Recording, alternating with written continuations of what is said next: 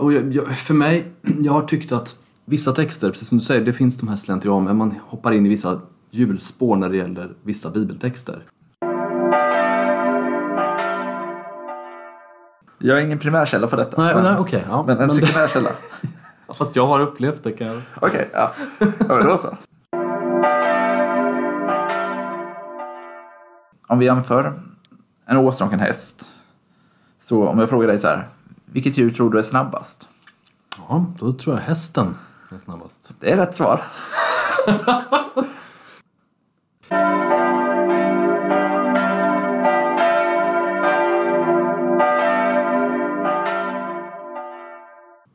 Det här råkar vara avsnitt 22 av Lillhällsmål. Eller som jag börjar kalla den här podden nu, Från Linus Forsbergs kök. För det är ofta, det är ofta här vi sitter, eller hur Linus? Ja, det har börjat bli så, men det känns ändå ganska trevligt. Ja. Och jag har börjat känna mig så pass hemma här att jag hittade uttag till min dator trots att det hängde en gardin i vägen. Så nu börjar jag ju känna mig som hemma i ditt kök. Jag kanske tar och flyttar in här, för jag ser att det finns mer än två stolar vid bordet här till exempel och så. Jo, precis. Vi har ju fyra stolar och just den stolen jag sitter i- när vi spelar in podden sitter jag aldrig i annars. Så att det, det är min poddstol. Ja, okej. För man har ju ofta, även om man är bara två i ett hushåll, så har man sin bestämda plats, eller hur? Jo, precis. Just det, ja. Så är det hemma hos oss också. Även om nu, är det, nu vi har också ett barn, då måste man ju på något sätt ha en bestämd plats, för hon har ju en särskild stol. Så. Okej, ja, jag sa inte det, men jag heter Jim Lagerlöf och det är Linus och jag som sitter som vanligt här och eh, vi pratar om bibeltexter. Ja, Eh, De texter som är evangelietexter på söndagarna i katolska kyrkan, som jag kommer ifrån, och svenska kyrkan, som du Linus hör hemma i. precis. Men innan vi börjar prata om de sakerna som också såklart är jätte, jätteviktigt och kanske anledningen till att du som lyssnar lyssnar. Ni är ju ändå några stycken. Tack till var och en som är trogna lyssnare och tack för alla kommentarer och gilla markeringar i sociala medier. Det känns kul att det är uppskattat det vi gör. Men innan vi, vi pratar om bibeltexterna tänkte jag bara fråga dig Linus. Du har ju varit med i tidningen Dagen precis nyligen här. Jo, precis. Jag fick in en debattartikel som handlade om ja, men egentligen en tillgänglig gatumiljö. Men där jag kopplade samman det med ett bibelord från tredje Moseboken. Där det uttrycks att eh, ja, man, man inte ska ställa hinder i vägen för en blind så att den faller. Ja, just det. När man promenerar till dig så går man förbi en ICA-handlare här. Och eh, han eller hon då, jag vet inte, du kanske har pratat med dem, men de hade ställt ut en, en eh, trottoarpratare helt enkelt. Jo, precis. Mitt i vägen för, för ledstråken som nu är till för att folk som har en synnedsättning och går med vit käpp ska kunna följa dem. Och precis, vi pratade om det innan, att alla vet nog inte vad ett ledstråk är. Det, det har du kanske tänkt på när du promenerat själv, att det finns ju små markeringar i vägen ibland. Inte på alla vägar, men på vissa. Och det är ju just för oss som ser lite sämre och särskilt för den som har en vit käpp som kanske inte ser någonting alls. Särskilt för den finns ju ledstråket, så den ska kunna ändå röra sig runt på något sätt fritt i samhället. Så ställ ingenting i ledstråket, det är väl ett tips från oss här. Ja, men precis. Mm. Har du fått någon respons på din artikel eller? Eh, ja, men mestadels positiv respons. Det var någon som jag inte kände på Twitter som tyckte att jag blev lite fundamentalistisk för att jag hänvisade till bibelord. Och den tycker Ja. att alla måste inte följa bibeln. Så då tappade Nej. jag min poäng, tyckte den personen. Det skulle ja, det där när man läste etik på universitetet så pratade man om kontextuell etik. Att så att säga kristen etik är bara för kristna och så att säga islamsk etik är bara för muslimer. Men en rolig sak med just kristendomen och islam är att båda de här sammanhangen tror om sin egen etik, att den gäller alla. Det är ganska intressant. Alltså, vi kristna vi menar att våra idéer om rätt och fel inte bara gäller för oss utan att de är allmängiltiga. Ja men precis, jag har tänkt ganska mycket på det. Och det försökte jag också ta hänsyn till när jag skrev den här artikeln. För att, eh, för att jag resonerar kring att jag tror att samhället skulle bli bättre om vi följde Bibeln mer. Och sen så lyfte jag att det här ordet är ett ord jag önskar att folk följde mer. Men jag gick egentligen inte in i diskussionen, måste alla människor följa alla bibelord? Men jag pekade på just det här bibelordet. Så att jag försökte ta hänsyn till den kontexten. Sen, ja, verkligen. Och det är som att eh, önska god jul till någon som inte firar jul. Det kan ju människan välja att ta illa upp för. Men vad då? Varför säger du god jul till mig? Jag firar inte jul. Nej, men det är ju för att jag firar jul och jag tycker det är någonting positivt och härligt med julen. Jag menar inte det som en förolämpning. Det är klart, om du hade hänvisat till ett bibelord där det står att en far ska aga sin son och att du därigenom menade att den bokstavliga tolkningen är den rimliga tolkningen här, att det är bra med barnaga. Då tror jag att det hade blivit en rimlig diskussion att man säger så här, ja men hörru du, varför hänvisar du till Bibeln här? Den, det där gäller inte för oss. Och då blir det mer en kom, mycket mer komplicerad eh, diskussion. Men saker som alla är överens om, många saker som står i Bibeln är ju faktiskt alla överens om. Ja. Och då är det inte farligt att hänvisa till det. Nej, nej men precis. Och den här var ju inte emot min hänvisning i sak kring innehållet, utan just att jag hänvisade. Det är något farligt att hänvisa till, alltså att just Bibeln skriver någonting om det här. Ja, det är inte advent än, men snart är det väl det. Ja, nu på söndag går vi in i första advent, eller första söndagen i advent om vi ska tala klarspråk. Så då går vi in i ett nytt kyrkoår. Då. Ja, visst. Så att vi får väl avsluta den här podden sen med att säga gott nytt kyrkoår. Ja. ja. Brukar adventstiden betyda någonting för dig personligen? Eh, ja, men med åren har det börjat bli mer. Dels så mm, tar jag ändå tillfället. Det blir lite som, men verkligen, det blir som det här andra nyåret. Att jag brukar reflektera över, vad ska man säga, mitt kristna år. Det ju så här, har jag, liksom, vad har jag dragit för teologiska slutsatser? Vad känner jag att jag vill växa i tro det kommande året? Lite utvärdering? Ja, men precis. Så det är, eh, sen så är det ju också samtidigt en, någonstans en startsignal för en del av kyrkåret som jag tycker är väldigt, väldigt härlig. Jag gillar många av liksom julsalmerna, vi sjunger adventssalmerna. Ja.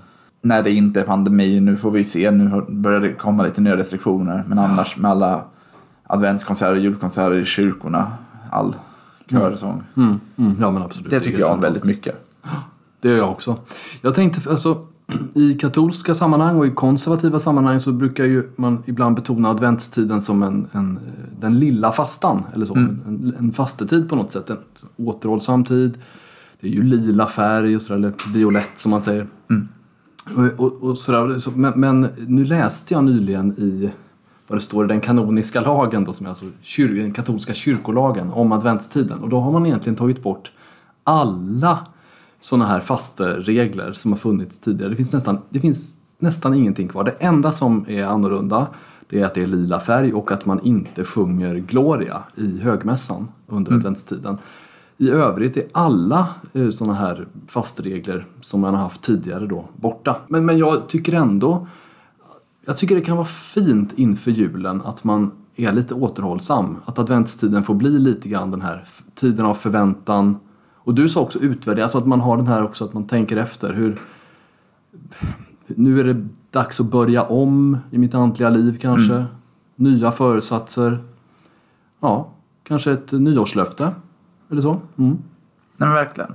Jag tycker att det är intressant det du tar upp med att, just att det är som en liten fasta eller en julfasta. För att det märks ju också i, i söndagens evangelietext där vi helt plötsligt går tillbaks till, till det sammanhanget vi rör oss i i påsktiden, den fasta tiden. Det vill Ja. säga Jesus intåg i Jerusalem. Just det.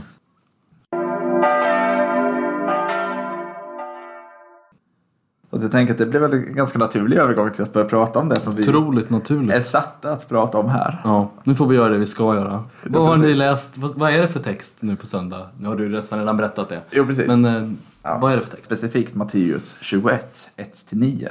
Och då är det intåget i Jerusalem. Det är en, man hämtar åsenstoet. Folk lägger ut mantlar framför Jesus som rider in och så ropar de Hosianna Davids son, välsignade han som kommer Herrens namn. Och visst, i Svenska kyrkan sjunger man inte... Ibland avbryts liksom evangeliet med att man sjunger Hosianna. Ja, Eller hur? Ja, jag, jag har hört om det. Jag har nog inte varit i de sammanhangen. Nej, okej. Nej, men jag har Så varit i jag- flera, flera håll och kanter att man liksom... Prästen slutar läsningen på den plats där Hosianna-ropen kommer och så sjunger man tillsammans. Det tycker jag låter väldigt fint. Ja. Det, jag är ingen primärkälla på detta. Nej, men, nej okej. ja. men en Men- sekundärkälla. Fast jag har upplevt det kan jag... Okej, ja. ja. men då så. Det, det är bra att... Jag har sett det med mina egna ögon och så vidare. Wow. Vi har varit inne på det att jag läser latin. Ja. Och eh, advent kommer ju från latin. Det, vi pratar om adventus. Betyder det väntan eller hur är det? Eh, nej, adventus är domini. Ja, det är det. Herrens ankomst. Så Just adventus det, är ju då Just det, ja. ankomst. Och sen domini är Herren. Jag känner igen det från, eh, om man läser Fader vår på latin, då säger man Adveniat regnum tuum, alltså tillkommer ditt rike. Mm. Adveniat eller advento. Mm. Ja. Sen så tror jag däremot att många översätter ju olika, så man brukar ju också prata om adventtiden som, som en väntetid också. I vissa sammanhang. Men, Men jag tycker det är rätt att säga att det betyder ankomst. Det är väldigt bra att du tar upp det Linus. Tack för att du gör det. För att jag tror att det, den där striden måste vi ta varje år på något sätt. ja. Och jag fastnar lite för, om man ska gå in i den här evangeltexten, så tänker jag att det är en av de kanske vanligaste sakerna att predika över och där jag inte tänker avvika från den traditionen. Ibland försöker jag avvika från och inte Nej. gå in i mainstream-spåret. Exakt. Det är utmaningen. Ja, precis. Men idag kommer jag halka ner där. Och det är att jag tycker att det finns något intressant i det här att Jesus väljer att rida in på åsnan och inte på hästen som kanske många Ja. Judar kanske framförallt hade förväntat sig. Och så kanske är en av de sakerna som skaver lite för eller som gjorde att många judar kanske inte ville se Jesus som Messias. Okej. Att man hade ju den här, inom judendomen tänkte man ju sig att Messias Kristus skulle vara en, en jordisk konung. Han skulle liksom komma in och verkligen befria judarna från romarik, romarna. Man skulle Ja. Ja, sätta sig på den, på den jordiska tronen. Och en sån konung rider inte in på en åsna, utan den rider in på hästen som var, var stridsdjuret. Och det magnifika, det ståtliga. Man blir verkligen fysiskt upphöjd när man sitter på den här Jo, ja, Hästryggen. visst, visst, visst. men Jesus väljer åsnan. Och jag tänker att det finns många viktiga saker där som vi inte får stressa förbi. Mm. Och dels det här jag då är inne på att Jesus vill markera att jag är, det är en annan era, det är en annan konung. Det är inte den här, vi ska inte tänka i våra jordiska mått. Vi ska inte fastna i hur är den jordiska konungen. Utan här kommer en himmelsk konung. Ja. Och den jobbar utifrån andra spelregler, utifrån andra referensramar än vad den jordiska konungen gör. Om vi jämför en åsna och en häst. Så om jag frågar dig så här, vilket djur tror du är snabbast? ja, då tror jag hästen är snabbast. Det är rätt svar. Ja. Medan Jesus väljer åsnan. Jag tänker att det står någonstans också för att vi inte ska stressa fram. Så här, Jesus vill inte stressa fram med det som måste ske. Och det är ju, vi pratade ju både förra veckan och förra, förra om, om den yttersta tiden, om Jesu återkomst. Ja. Och där stressar ju inte Jesus fram med det heller. Utan Jesus låter den ta den tiden som krävs. Jesus intåg i Jerusalem, i våra liv. Det kan vara Jesus återkomst. Ja. Det kommer inte komma med massa hästkrafter liksom i, i liksom full galopp. Nej, nej. Utan den får ta tid. Sm- Små steg i taget. Men ändå säkert framåt. Det här med att han väljer en åsna, det ju, har ju varit en diskussion hur man ska tolka det. Eh, det. Det står ju om åsnan i Gamla Testamentets profetior och som jag minns att jag hörde en predikan som handlade om att kungen som när, när kungen kommer till sin stad då kan han välja på vilket sätt han kommer. Han kan komma eh, som, som en triumferande konung och visa att jag är en segrare som kommer. Men att rida in på en åsna har med att då, då kommer man ödmjuk ju. Som fredens konung. Eh, så det är också det som Jesus vill, tror jag, ge en referens till. Att här kommer fredens konung. Just det Jesus vill ju inte vara den som upphöjer sig allt för mycket över oss andra. Det, vi har pratat om det förr, att Jesus säger ju att jag har kommit för att tjäna, inte för att tjänas. Precis. Och jag tror att åsnan också går i linje med det.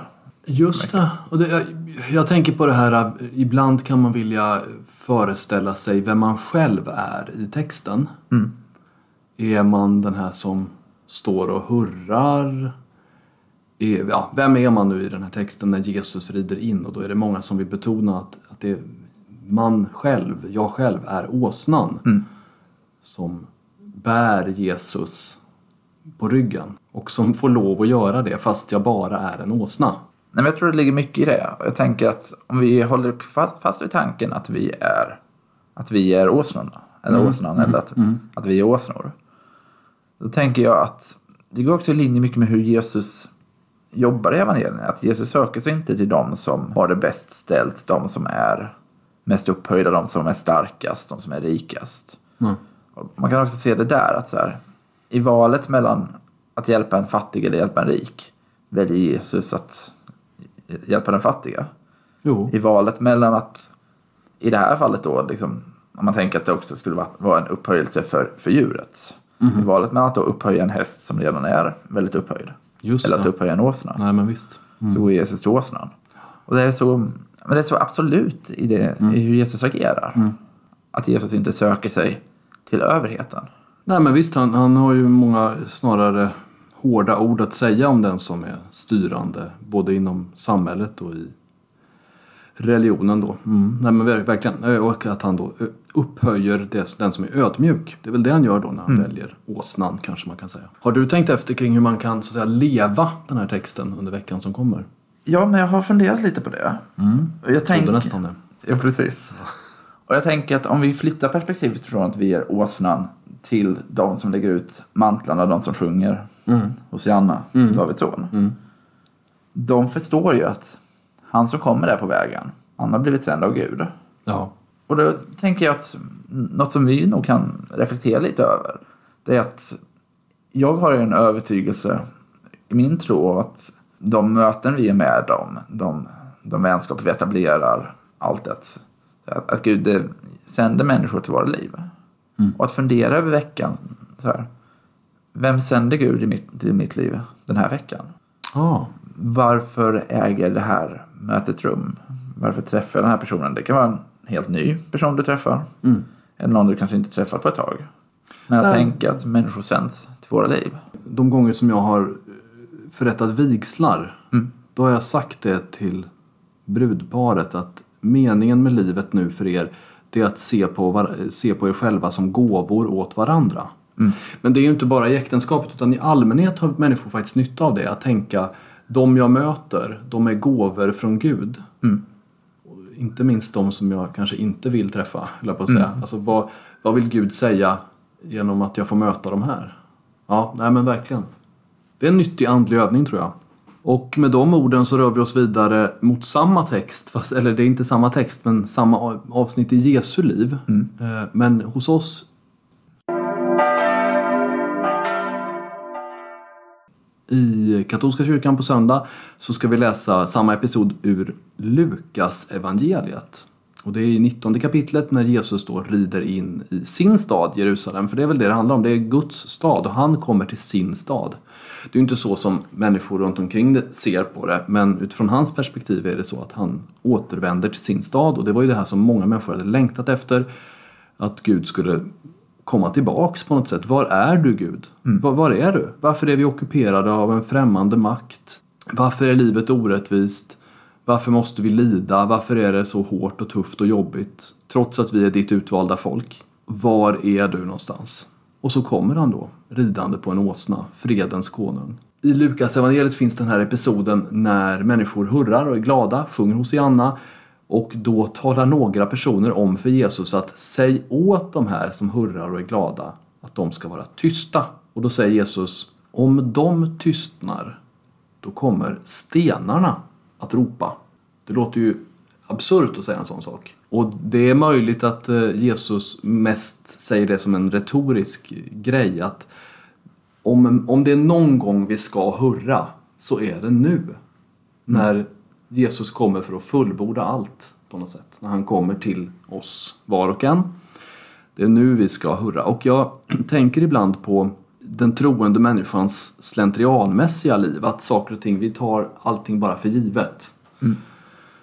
Men vi har faktiskt så stor anledning att ropa av glädje. Vi pratade ju lite grann om det i förra poddavsnittet, att tjäna Herren med glädje. Och det finns så mycket eh, att vara glad över.